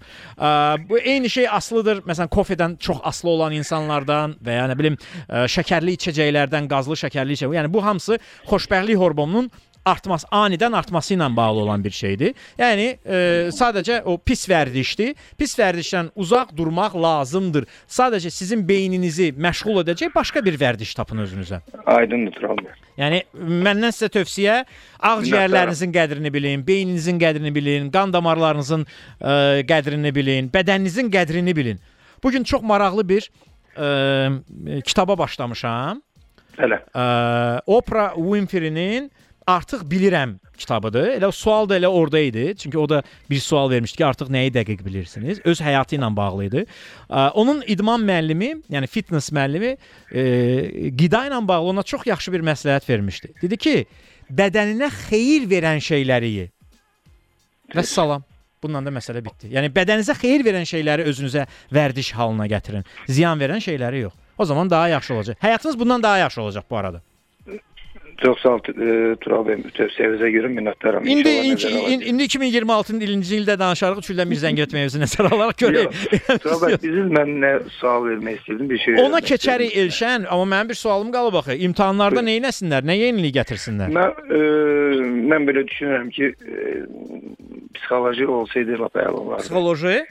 Elə. Nə? Yəni bilirsiniz necədir? Orada e, suallarda mən də imtahanda olmuşam. Düzdür, 20-22 il bundan əvvəl olmuşam. hı. Orada suallarda e, bir balaca çaşdırıcı suallar çoxdur. Biraz yox, xeyli vaxt çoxdur. Aha. O da istər-istəməz e, m, düzdür. E, Necə çaşdırıcı istəyir- suallara ya Elşən? Yəni belə götürək də enişdən, yoxuşdan suallar verirlər. Hı. Onun əsasında yəni istər-istəməz e, 10 il, 15 il e, avtomobil idarə edən şəxsən, yəni qaydaları bir var əyani, bir var qiyabi öyrənən şəxslərlə, bir də var ki, siz bayaq qeyd elədiniz ki, 18-19 yaşında insanlar birdən-birə gedir sürücülük vəsiqəsini almaq, orada ucu avtomatik olaraq kəsilmə ehtimalı böyük olur. Yəni imtahandan kəsilmək icmalı. Ona görə onlar psixoloji yəni əyani görməyiblər. Ancaq qiyabi yəni ki, oxuyub onu e, imtahanı verirlər. Mən belə başa düşürəm. Ona görə psixoloji mənə gəlir ki, orada nə bilim valla gərək insanlarda biraz e, birinci etap psixoloji elə bir ki, qabiliyyət kimi verilməlidir. Birinci psixoloji verib sonra ikinci imtahanı verməlidir. Hazırdır yoxsa yox? Bəli. Aydındır. Yaxşı, buyurun sualınız var deyəsən. Mənim sualım odur ki, elə bir ki mən e, ayın 17-si günü idi Babel prospektində köhnə maşın bazarının klubuna elə bir yaxınlaşanda axşam vaxtı yolun sağı ilə düz öz yolumla davam eləmişəm. Orada olan pakradarı keçəndən sonra sürətimi artırmışam davam. Orada yol patrul xidməti saxlayıb mənə e, əks istiqamətin manevr, nə bilim 327-ci maddənin birinci bəndini yazıb mən də ona bildirmişdim ki, yəni mən öz yolumu davam eləmişəm. Niyə ötmə əməliyyatı eləməmişəm. Düz yolu, yəni heç bir xətti tapdalamamışam. Düzdür, günah məndə oldu ki, nə barədə ki, müəllim e, orada mənə qərarsız yazıldı. Düz üstündən uzun 20 gün keçib. Vaxt Ona- ötürmüsüz. Bəli. Amma öz yolumda mən prozonu öyrənmək istəyirəm ki. Yox, da dairədən hara getdiniz siz? Yo, dairəyə çatmamışam. Babel prospektində üzü Əhməd tərəfə gedən yolda yolun sağı ilə düz öz yolumu davam eləmişəm. Deyirsən ötmə əməliyyatı eləmişəm. Düzüm ötmə öz zolağımla getmişəm. Ötmüsüz yolu. ki? İddia elədiyi şey nədir? ikinci mən sağ tərəfdə olmuşam, sol tərəfdə olanı mən ötmə əməliyyatı eləmişəm. Deyirəm mən öz zolağımla getmişəm. Düz biraz aramızda biraz şey oldu. Düz valla yazırsan yaz. Düz ondan Və sonra niyə şikayət eləmədiniz 20 gün ərzində? Ee, düzü biraz biraz yaddan çıxdı. Bizim özümüzdə də avtomobil e, satışı ilə biz məşğul idik. Yəni biraz baş qarşı oldu, biraz bayramlar ona görə biraz. E, Ona siqaret çəkməyəsən də, siqaretin siqaret yaddaşa pis təsir göstərir. Bax bunu da Minnətdaram. e- e, yeri gəlmişkən, yəni bu 20 gün keçiribsə başqa heç nə eləmək mümkün olmayacaq. Düz ancaq ödəməkdən başqa. Ancaq ancaq ödəməyə. Minnətdaram. Təşəkkür edirəm. Bu da siqaretin xeyri bax. gördün. 2026 yox, tez bir zamanda saxlayın. Təşəkkür edirəm. Minnətdaram. İşlərinizdə uğurlar. Təşəkkürlər. Sağ olun. Siqaret sağlamlığa ziyandır və ə, sizə siqaretdən və pis vərdişlərdən uzaq durmağa və sağlam yaşamağı tövsiyə edirəm. Avtostop davam edir.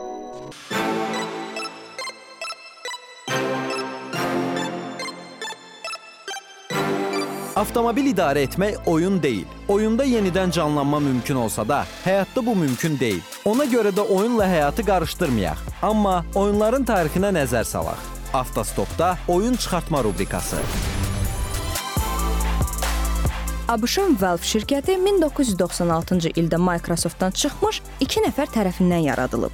Bu qərar onları işçidən milyonçuya çevirdi. Amma maraqlıdır ki, Valve şirkətinin bəzi oyunlarını oynayan şəxslər də milyonçu ola bilər. Söhbət Dota 2 oyunundan gedir. Bu oyun üzrə sonuncu çempionatda mükafat fondu bizim pulla 32 milyon manata çatırdı.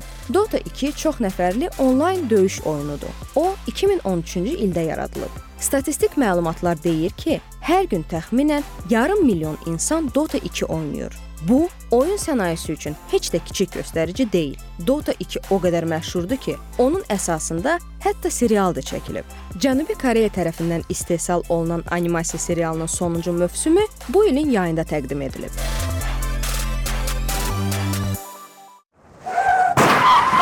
Qəza zamanı yolu kəsib telefonla çəkmədiyinizə görə əjdaha adamsınız.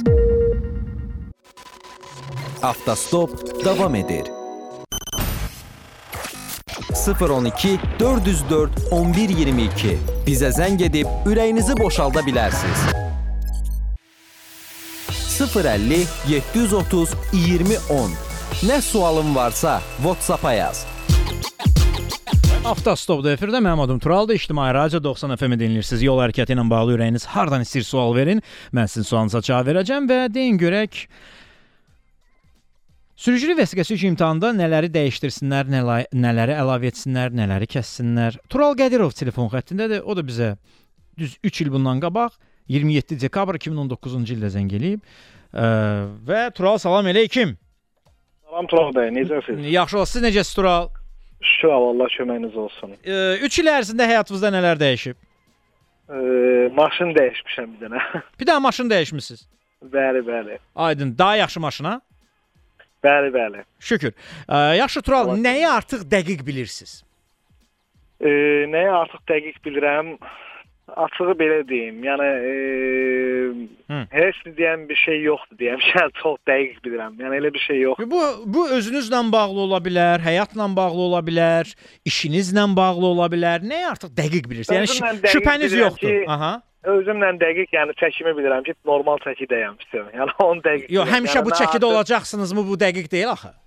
Yəni nə artır, nə qalxır. Nə də düşür də. Yəni, Neçə yaşınız var Tural? çəkidə.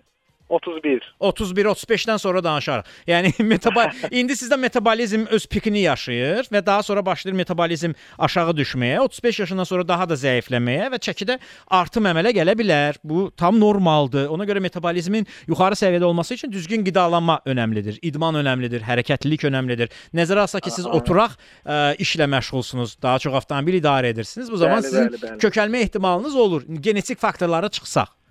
Ə, Bəli, yəni ümumilikdə ə, ümumi belə deyək, faiz nisbəti olaraq belə olur. Ona görə çəki məsələsində indi dəqiq bu çəkidəsiz, amma 35 yaşınızda o çəki dəqiq olmaya bilər. Amma elə şey var ki, onu dəqiq bilirsən də ki, şəkk şübhəm yoxdur. Bu artıq dəqiq bilirəm. Bunu artıq həyat təcrübəm, nə bilim özümü tanımam, işimlə bağlı, nə ilə bağlı deyirsən 30 bilərsən ora.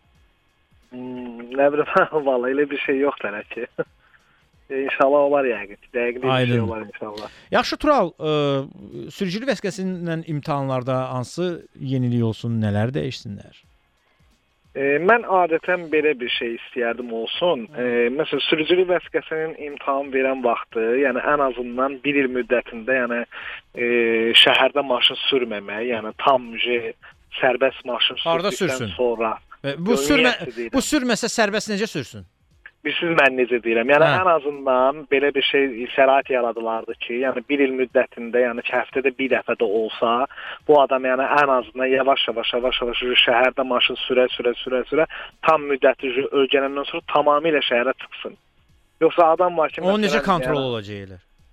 Bilirsiniz necə mən deyirəm? Yəni mən belə fikirləşirəm. Yəni tam bu mənim öz fikrimdir. Ən Aha. azından məsələn bir yer yaradılardı.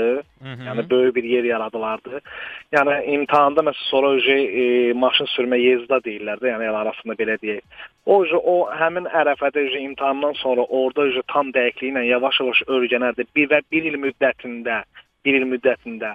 Yəni biraz orada yavaş-yavaş sürə sürə sürə sürə sonra öje həftədə bir dəfə şəhərə çıxmaqla ondan sonra tam sərbəst şəhərdə maşın sürərdi. Amma məsələn bizdə belə bir şey vardı. Yəni imtahan verilir, düzdürmü? E, sürücülük vəsiqəsini götürür, tırıb öje maşına oturdu, çıxdı şəhərə. Yəni bu adam nə qayda qanunu bilir, nə e, belə deyim sizə. Nə yox, imtahan veribsə deməli qayda qanunu bilir də. Ya adətən çoxsu məsələn imtahan mən məsələn bir xanım tanıyıram ki, o imtahan şəklində prava sürücülük vəsiqəsini alıb, sürücülük vəsiqəsini alıb. Hı. Amma bu adam şəhərdə maşın sürə bilmir. O başqa problemdir də. Yəni Hə, yəni onun, o həyəcan da ola bilər. Bu o demək deyir ki, hamısı elədir. Yox, təbii ki, naham aidiyyəti yoxdur. Prosta yəni Hə. ən azından yəni tədricən. Yəni mən belə fikirləşdim ki, tədricən yavaş-yavaş məsələn düzəlmə. 1 il olması məsələn 6 ay olsun, yəni belə bir şey. Tədricən yavaş-yavaş. Ə, dünyada belə bir praktika var, daha doğrusu Türkiyədə belə bir praktika var idi ki, indi bilmirəm bu praktika var yoxsa yox. Sürücülük vəsiqəsini aldığınız zaman sizə müvəqqəti sürücülük vəsiqəsi verilir və 1 il siz maşını sürdüyünüz vaxtlarda 1 il ərzində qayda pozmalı deyilsiniz və cərimə almamalısınız. Əgər 1 il ərzində siz qayda pozmasanız və cərimə almasanız sizə daimi sürücülük vəsiqəsi verilir. Bax belə bir praktika var. Amma ora getmə, bura getmə şeyi yoxdur. Var kiçik yaxşı kiçik olardı məncə. həcmli, yəni 1.6-dan yuxarı maşın sürə bilməzsən. Belə şey var. Amma e, tak ki adam mərdəkanda qalır. Maşını ona görə alıb ki, yasamala işə gələ bilsin. Biz ona deyirik ki, mərdəkanın dairəsində oyuna keçə bilməsin. yəni adamın həyatını belə qara əskiyə bükmüş oluruq da. Biraz doğru çıxmır. Amma biz deyə bilərik ki, 1.6-dan yuxarı maşın sürməyəcəksən 1 il. Biz deyə bilərik ki, ə, hərəkət sürətini aşmayacaqsan. Bax, 1 il ərzində qayda pozmayacaqsan, mən sənə daimi vəsiqə verəcəm. Bu başqa məsələ, amma hərəkətini məhdudlaşdırmaq biraz doğru deyil mənə görə. Nə bilim bəlkə də yəni bəlkə də siz dediyiniz daha doğru olar. Yəni məncə elə, elə olsa daha yaxşı olar. Dünyada müxtəlif adətən- təcrübələr var, onlar daha doğrudur. Onlara e, göz atsaq, onları araşdırsaq məncə daha yaxşı olar. Məncə də, məncə də. Aydın. Çünki adətən, yəni mən belə bir söz deyim sizə. Adətən yəni elə sürücülər var ki, yəni mən yəni öz şah gözümün şahidi olmuşam. Yəni elə sürücülər var ki, yəni mən şəxsən bir xanım tanıyıram, yəni onu deyirəm sizə. Yəni bu adam yəni neçə illərdir ki, bu adam yəni şey e, sürücülük vəsiqəsini alıb və öz avtomobili də var. Amma bu adam yəni şəhərdə maşın sürmək istəmir. Uje 3 il, 4 ildir ki, bu adamın avtomobili var, sürə bilmir. Və bu təlimə də gedib, yəni öyrədiblər də bunu. Yəni bu sürə bilmir. Bilmirəm amma məqsəd nədir, səbəb nədir? Bu sadəcə sürə bilmir bu adam. Çünki deyir ki, mən dairəyə girəndə qorxuram ki, yanımdakı hansı soldakı və ya sağdakı avtomobili vura bilərəm. Yəni bu qorxu nəticəsində olur bəlkə də. Nə bilim vallah. Yəqin ki, buna görə sürür. Aydındır. Buyur eşidən sualım var idi. E, Tural bəy, mən bir sual verəcəm sizə. Demək, mənə bu günləri e, Abbas Mirzə Şərifzadə küçəsində dayanmışdım. Mən sonra e, qayıtdım evə, evə gedirdim. Mənə SMS gəldi, SMS radar tətbiqindən. Baxdım ki, məndə dayanma durma e, cəriməsi gəlib, amma maşın gedim şəklinə baxdım, maşın mənim maşınım deyil. It is Ryan here, and I have a question for you. What do you do when you win? Like, are you a fist pumper? A woohooer, a hand clapper, a high fiver. I kind of like the high five, but if you want to hone in on those winning moves, check out Chumba Casino. At chumbacasino.com, choose from hundreds of social casino style games for your chance to redeem serious cash prizes. There are new game releases weekly, plus free daily bonuses. So don't wait. Start having the most fun ever at chumbacasino.com. No purchase necessary. VGW Group. Void were prohibited by law. See terms and conditions. 18 plus. Demək 99 VD 243 mənim maşınımdır. 99 VD 293 e, başqa o, o maşındır. Hı -hı. Və mənim maşınımın rəngi qaradır, o maşının rəngi metalik. Yəni bununla bağlı mən kimə müraciət etməliyəm? Gəlin belə eləyim. Mən sizin nömrənizi səlahiyyətli şəxsə yönəldim. Səlahiyyətli şəxs sizinlə əlaqə saxlasın. Bu məsələdə yardımçı olacaq. Yaxşı? Başa düşdüm. Oldu. Çox sağ olun. Təşəkkür Allah edirəm. razı olsun. Keçmiş olsun Aytural. Sağ Minnətdaram. olun, Çox sağ olun zənginizə görə. 404 11 22 zəng edirsiniz. 050 730 20 10 WhatsApp nömrəmizdir. Səsli mesajlarınızı göndərə bilərsiniz. Yol hərəkəti ilə bağlı ürəyiniz hardan istəyir sual verin. Mən sizin sualınıza cavab verəcəm. Və deyin görə imtahanlarla bağlı hansı yeniliklər olsun, sürücülük vəsiqəsi imtahanla bağlı hansı dəyişikliklər olsun. Bax bu barədə söhbət eləyirik. Ə, 050 730 20 10 WhatsApp nömrəmizdir. Səsli mesajlarınızı da göndərə bilərsiniz. Küçəyə zibil atmadığınıza görə sizə dərin təşəkkürümüzü bildiririk. İctimai radioda hava haqqında məlumatı dinləyirsiniz. Sabah Bakıda hava şəraitinin dəyişkən buludlu olacağı, arabir tutulacağı, əsasən yağmursuz keçəcəyi gözlənilir. Mülayim cənub-şərq küləyi əsəcək. Havanın temperaturu 3-6 dərəcə isti olacaq. Azərbaycanın rayonlarında hava əsasən yağmursuz olacaq. Bəzi yerlərdə arabir yağıntı olacağı, sulu qar, qar yağacağı gözlənilir. Şərq küləyi əsəcək. Havanın temperaturu 2-7 dərəcə isti, dağlarda isə 3-8 dərəcə şaxta olacaq. Dağlıq və dağətəyi rayonlarda yollar buz bağlayacaq. 012 404 1122 bizə zəng edib ürəyinizi boşalda bilərsiniz. 050 730 2010 Nə sualın varsa WhatsApp-a yaz. Hə, səsli mesaj göndərə bilərsiniz, zəng edə bilərsiniz. Yol hərəkəti ilə bağlı ürəyiniz hardan istəyir sual verin. Mən sizin sualınıza cavab verəcəm və deyin görək Sürücülük vəsiqəsi üçün olan imtahanlarda hansı yenilikləri eləsinlər, nələri dəyişsinlər? Səsli mesaj var, işdə görə xalq nə deyir? E, Deməli, təkrar qeydiyyat zamanı arxa yan şüşələrin tünd olması ilə bağlı e, irad bildirdilər və təkrar qeydiyyatı, qeydiyyatımızı dayandırdılar belə deyək, bizi biraz incitdilər. Yəni sualım ondan ibarətdir ki, tünd şüşələr olduğu halda e, mütləqdir şüşələrin dəyişilməsi, Əlbəttə. adi ağ şüşələrin vurulması və ya plyonka olanda da həmçinin incidirlər. Bu qanunla tənzimlənir yoxsa yox? Bəli, qanunda hələ ki ə, şüşələrin standartı alın şüşəsi 25%, yan şüşə 25%, arxa faiz ə, arxa şüşələr isə 30% sənaye üsullu qara ola bilər. Ə, plyonka qadağandır. Hələ ki 1 ildən çox müddət keçib ə, şüşələrin ə, tündləşdirməsi ilə bağlı Nazirlər Kabinetinə ə, verilmiş tapşırıqda Nazirlər Kabineti hələ ki bir ortaq məxrəcə gəlməyib. Nəsə yenilik falan da yoxdur. Ona görə istifadə edilməməlidir. Yəni bu plyonka falan. Ə, tam qanunidir. Yəni orada heç bir problem yoxdur.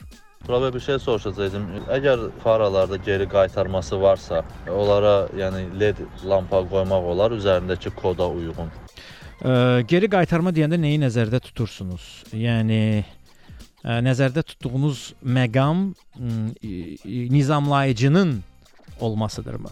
Yəni baxın, bir e, avtomobilin işıq sistemində bir lampanın arxasında onun bir güzgüsü olur.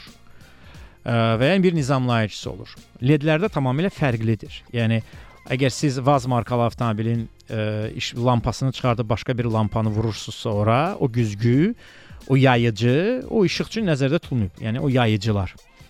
E, LED işıqları istifadə etdiyiniz zaman bir avtomobilinizin e, o işıq sistemində nəzərdə tutulmuş koda uyğun olmalıdır. Yəni ksenona icazə varsa LED vura bilirsiniz və işıq yayıcıları və ya ə, səpələyiciləri, istiqamətləndiriciləri həmin faraya uyğun olmalıdır. LED-lər ümumiyyətlə o istiqamətləndirici ilə bərabər olmalı. Çünki onun səpələyicisi olmadan o e, işığı hər yerə vurur və yekunda e, e, göz çıxardır. Bir dəfə TikTokda canlı yayımdayam, dünən yox sırağa gün. Hə. Biri soruşur ki, bir birisi necə soruşur? Deyir ki, yazıb özdə svarka Yəni qaynaq tipli LED-dən istifadə edə bilərəm. Yəni qaynaq işığı necə olur adamın gözünü çıxardan? Uzaq vuran işığı ondan vurmaq istəyir. Adamın məqsədi qarşıda gələn sürücünün gözünü kor edib onu qəzaya uğratmaq, onu ə, özü haqqında və öz ünvanına nalayiq ifadələr eşitməkdir də, başqa bir şey deyil. Yəni sən bunu vurmaqla ə, qaynaq tipli, yəni qaynaq işığına ə, oxşar tipli ə, LED işıqdan istifadə etməklə məqsədin nə ola bilər? Sən nəyi işıqlandırırsan ki? Yəni Sherlock Holmes-san qardaş, nəsə tədqiq edirsən. Bu işıq sənə nəyə lazımdır? Yaxın vuran, uzaq vuran işıqların standartları var. Bu standarta uyğun olmalıdır. Ə, və bununla bağlı bizə bir sual gəlmişdi. Elə yeri gəlmişkən o sualı sizə cavab verim. Bəzi adamlar deyirlər ki, mən maşınımı M-ə yığdırmışam. M-dir. Qeydiyyat şahidətnaməsini dəyişmək istəyirəm və s.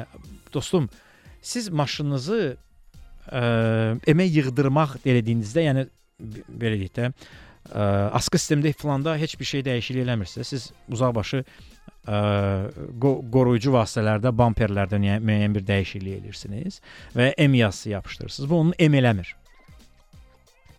Və bir buna görə sizin vaxtınız gedir, iki pulunuz gedir, üç maşınınız yenə də M olmur. Və qeydiyyat şahidnaməsində M-in yazılmasında mənası yoxdur.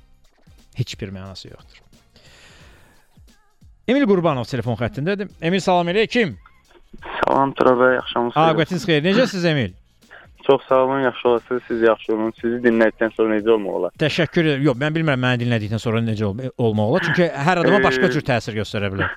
Ən azından belə deyək də, sizi səs cəhətdən demirəm, məlumatlandırmağımız bizi sürücüləri, yəni xoş təsir bağışlayır. Belə deyək də, çox dinləyirəm sizi. Düzdür, neçə gündür düşmək istəyirəm, düşə bilmirəm. Hı -hı. Amma ki, şükür olsun ki, düşdük. Şükür qovuşdurana. Emil, e, nəyi artıq dəqiq bilirsiniz? Nəyi artıq dəqiq bilirik? Yəni ən azından bilirik ki, əsaslı şəkildə bizi saxlaya bilməzlər. Yəni əgər E, qanunları çıxsaq da, qanunları çıxdı. Yol Hə. hərəkəti qaydalarından yox da. Nə Onsuz ondan edirsə, danışacağıq da. Ümumiyyətlə özünüzlə bağlı, həyatla bağlı, ə, işinizlə bağlı nəyi artıq dəqiq bilirsiniz də? Ona şübhəniz yoxdur. Nəyi artıq bilirəm, belə deyək də, şəxsi məsələləri işə qar qarışdırmamaq. Ümumiyyətlə, yəni işimizə odaqlanmalıyıq. Hı hı. E, sü- sükan arxasında olanda belə, yəni fərq eləmir. Şəxsi həyatı heç bir şeyə qarışdırmaq olmaz. Ə, bu ə, qənaətə necə gəldiniz? Başımıza gələn hadisələr əsnasında. Yəni həyat deyək. təcrübənizdə. Bəli, bəli. nə etmişdiniz ki, e, dediniz ki, yox, bundan sonra şəxsi işləri e, öz işimə qarışdırmayacağam. Nə baş vermişdi, sir deyilsə? Sir deyil, yəni şəxsi həyatda xırda olan problemlər, belə deyək də, ailədə olan problemlər, yəni bizə ziyandan başqa bir şey vermədi də. Yəni onları düşünərək qəza da elədik, nə bilim, Hı e, işimizdə də biraz axsamalar baş verdi, amma ki şükür Hı -hı. olsun ki bu günləri bir normal bir nəticəyə gəlmişik. Tam ideal olmasa da, yəni demək olar ki özümüzü Həyat sizə nə idarə öyrədi, edirik. Bay Emil? Həyat Valla biraz çətin sual verir sizə. Mənim işim budur. Yəni Mən buna görə maaş alıram. Əlbəttə ki, ona söz yox. Yəni çox şey öyrədib, həqiqətən. Bəzən elə olur. Yəni elə nə deyim, dost dediyin, yaxın bir insan bildiyin elə bir yerdən vurur ki, hə onda da fikirləşirsən ki, hələ də sən gəncsən, hələ də səhvlər eləyirsən. Dost var ki.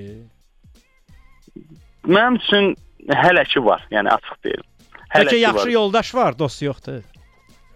Yox, mən e, elə bir insan ki, yəni sayla da 2-3 nəfərdir, Do- hə, ona deyim. Dost kimə deyirik biz? Dost hansı ki, belə deyək də, yəni Kimə ən deyirik azından özün qədər etibar elədiyin birinə. Yəni hər bütün cəhətlərdən. Yəni e, düzdür mən Məncə insan e, özündən başqa, ə, yalnız özündən başqa özü kimi etibar edəcəyi ikinci bir adam ə, olmur. Həmişə ən çox özünə etibar eləyir.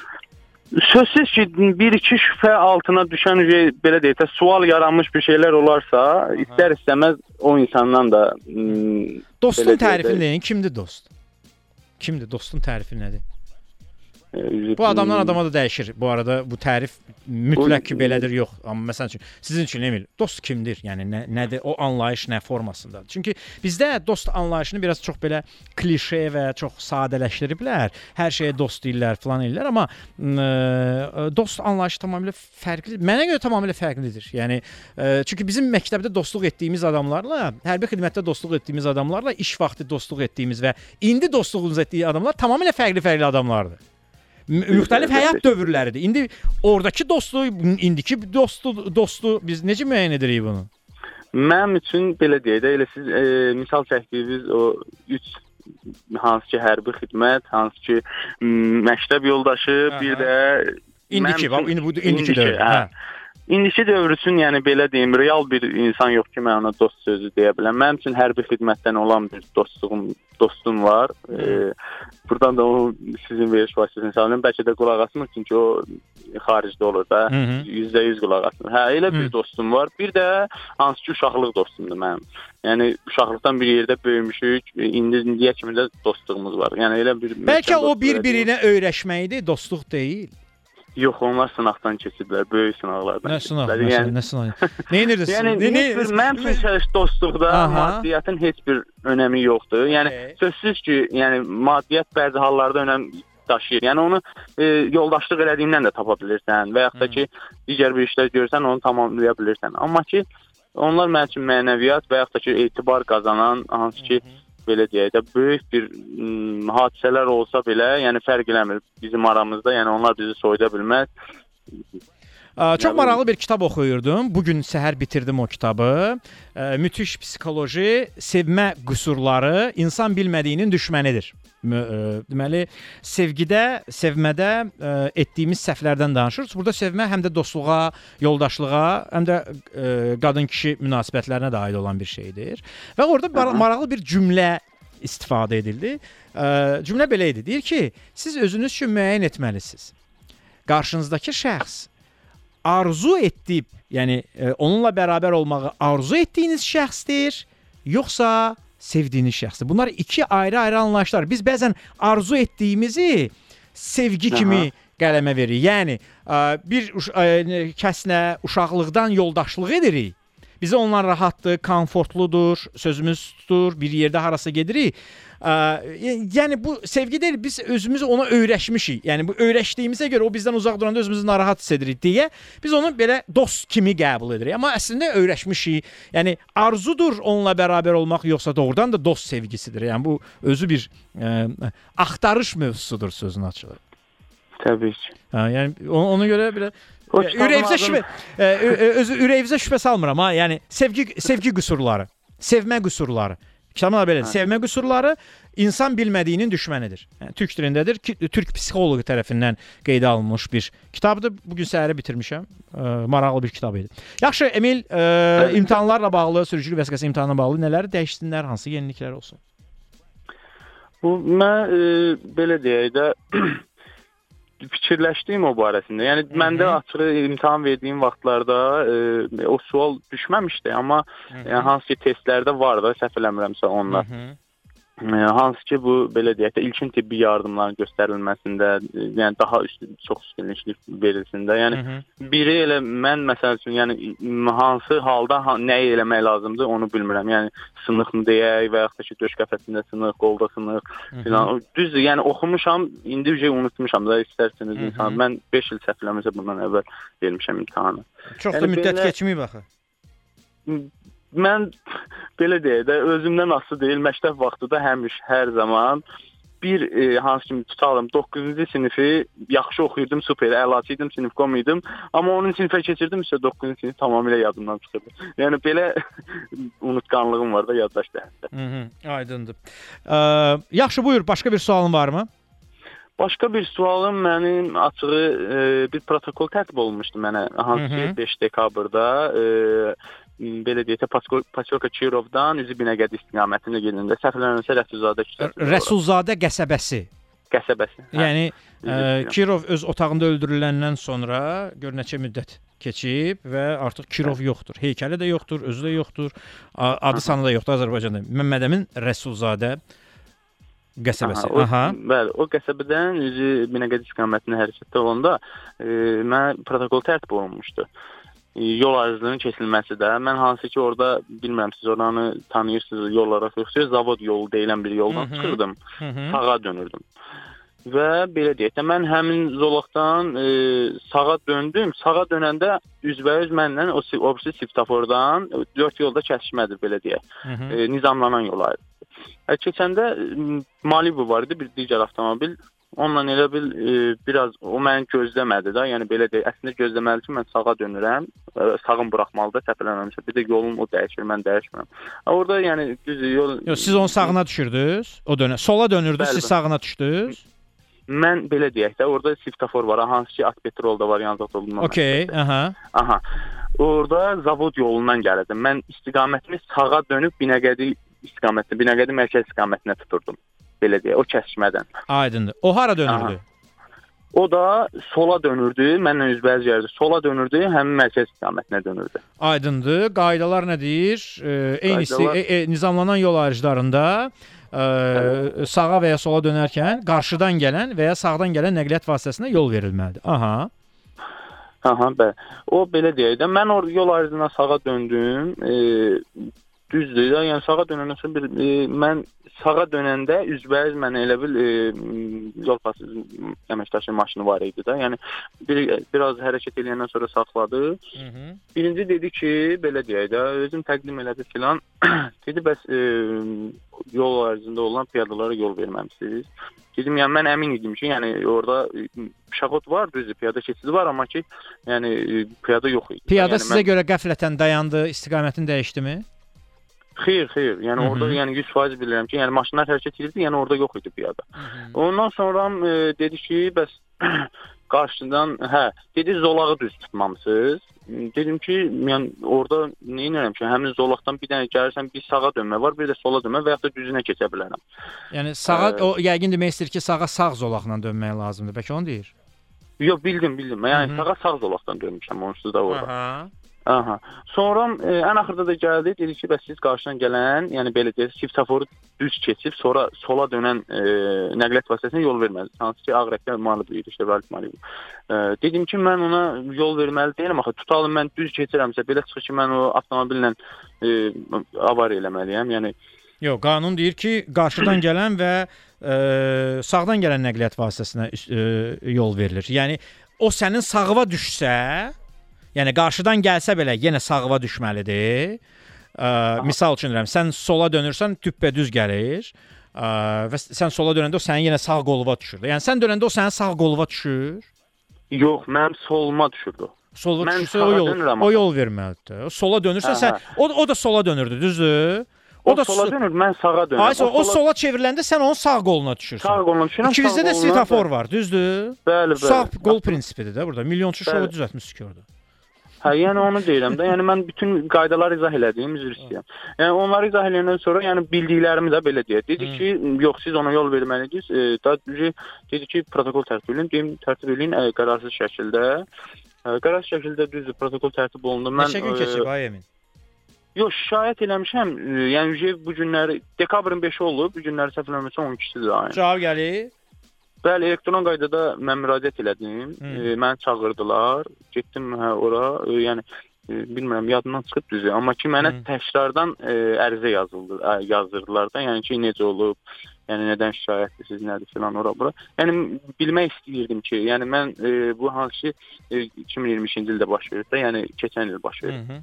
E, təkrardan öncə mənim e, hansı ki protokolum qərarsız idi, qərara mindirilib. Yəni mənə hələ heç bir məlumat verilməyib ikinci ərizədən sonra. Bilmək istəyirdim ki, yəni nə etməliyəm, yox, yoxsa mənə məlumat veriləcək ya araşdırılma gedir. Yox, çox üzr istəyirəm. Sizin e, protokolu qüvvədə saxlayıblar. Bəli, bəli, qüvvədə saxlayıb. A, nə ilə əsaslandırıblar?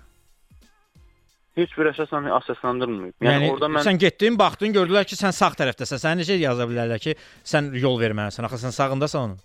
Bəli, mən onu deyirəm də, yəni e, oradakı inspektor idi, bilmirəm də, yəni baş leytenant idi. Nə dedi ki? Da. Dedi ki, yəni necə olubsa, elə deyək, yəni elə təkrardan mənə ərizə yazır da, şikayət ərizəsi yazır. Aha. Hə, sonra? Ondan sonra dedi ki, bəs aidiyyatı orqanlara təkrardan müraciət olunacaq, veriləcək. Belə dedi və yəni başqa heç bir şey demədi də. Emil Dedi gəl ki, belə eləyim. Mən sizin nömrənizi e, ünvanlayım, e, istiqamətləndirim səlahiyyətli şəxsə. Səlahiyyətli şəxsinə əlaqə saxlasın, məsələdə e, şey dinləsin. Yəni sağı nizamlanan yol ayrıclarında e, üstünlük qarşıdan gələn və sağdan gələn nəqliyyat vasitəsidir. O da sola dönəndə sən onun sağına düşürsən. Deməli, yol Bəli. sənindir. Ə, o protokolu qüvvədə saxlamağın məntiqini mən başa düşə bilmədim. Bəlkə başqa nəsə varsa, yəqin ki, səlahiyyətli orqanın şəx ə, nümayəndəsi məsələni araşdıracaq. Təşəkkür edirəm Emil. Çox sağ olun Turab bəy. Sağ olun, minnətdaram. Təşəkkür edirəm. Çox sağ olun. Gələn səsli mesajlar var, işdə görə xalq nə deyir? Konser ə, tamamilə razıyam sizin ə, sualların çox olmağı ilə bağlı. Ə, bir də m, əsas məsələ odur ki, suallar ə, məntiqli olmalıdır. Daha çox məntiqin üzərində qurulmalıdır. Bu insanın psixoloji, bu insanın ə, o variantda ə, düşüncəsi nədir onu bilmək üçün. Və sonda bir dənə qərar çatmalıdırlar ki, hə bu insan 5-inə, 3-ünə və ya da 6-sına cavab vermədi, amma bu insan sağlam düşünür. O həyecanı da nəzərə alarkən bir dənəsində. Kitabı oxuyub 10 dənə sualdan 9-una cavab vermək və o balaca o plaşatkada e, sürücülüyü bir dənə köhnə 06 maşında imtahan vermək biraz bu məqsədə uyğundur. Yer gəlmişkən ə, orada çoxdan da köhnə Vaz 2106 yoxdur. Yəni maşınlar başqa cür maşınlardır. Çünki avtomat sürətlər qutusunda da imtahan vermək mümkündür artıq. Axşamınız xeyir Tural bəy. Bu imtahanla bağlı onu deyə bilərəm ki, sürücülük vəsiqəsində verilən 10 sual sürücünün Azərbaycanda avtomobil idarə etməsini, yəni müəyyənləşdirmək üçün kifayət qədər azdır. Sualların sayı minimum 30-a qaldırılmalıdır və suallar üzrə ballar müəyyən olunmalıdır. Mən ə, Türkiyə praktikasında olan bir şey təklif etmək istərdim. Yəni imtahanda 10 sual yox, 50 sual olsun. Çünki adam imtahana hazırlaşır, yəni buna 1 ay, 2 ay vaxt sərf edir, amma nəticədə gəlib 10 suala cavab verir. 10 sualdan da işinə səhv cavab verəndə artıq imtahandan kəsilmiş olur. Daha yaxşı olardı ki, Türkiyədəki kimi 50 sual olsun, onlardan 40-na düzgün cavab verən insan, yəni imtahanı keçsin. 10 sual ə, düşünürəm ki, çox azdır və adamı həyəcana daha çox salır.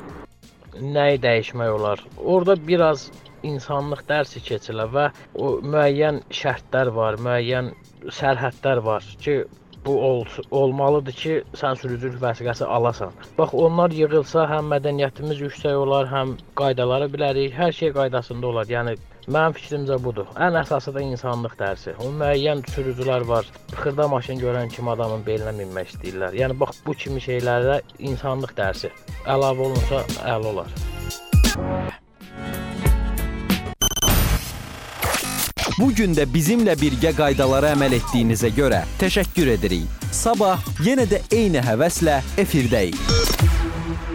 Dostlar, bu günlük bu qədər. İnşallah sabah axşam saat 6-da İctimai Radio 90 FM-də avtostopda eşidilərik.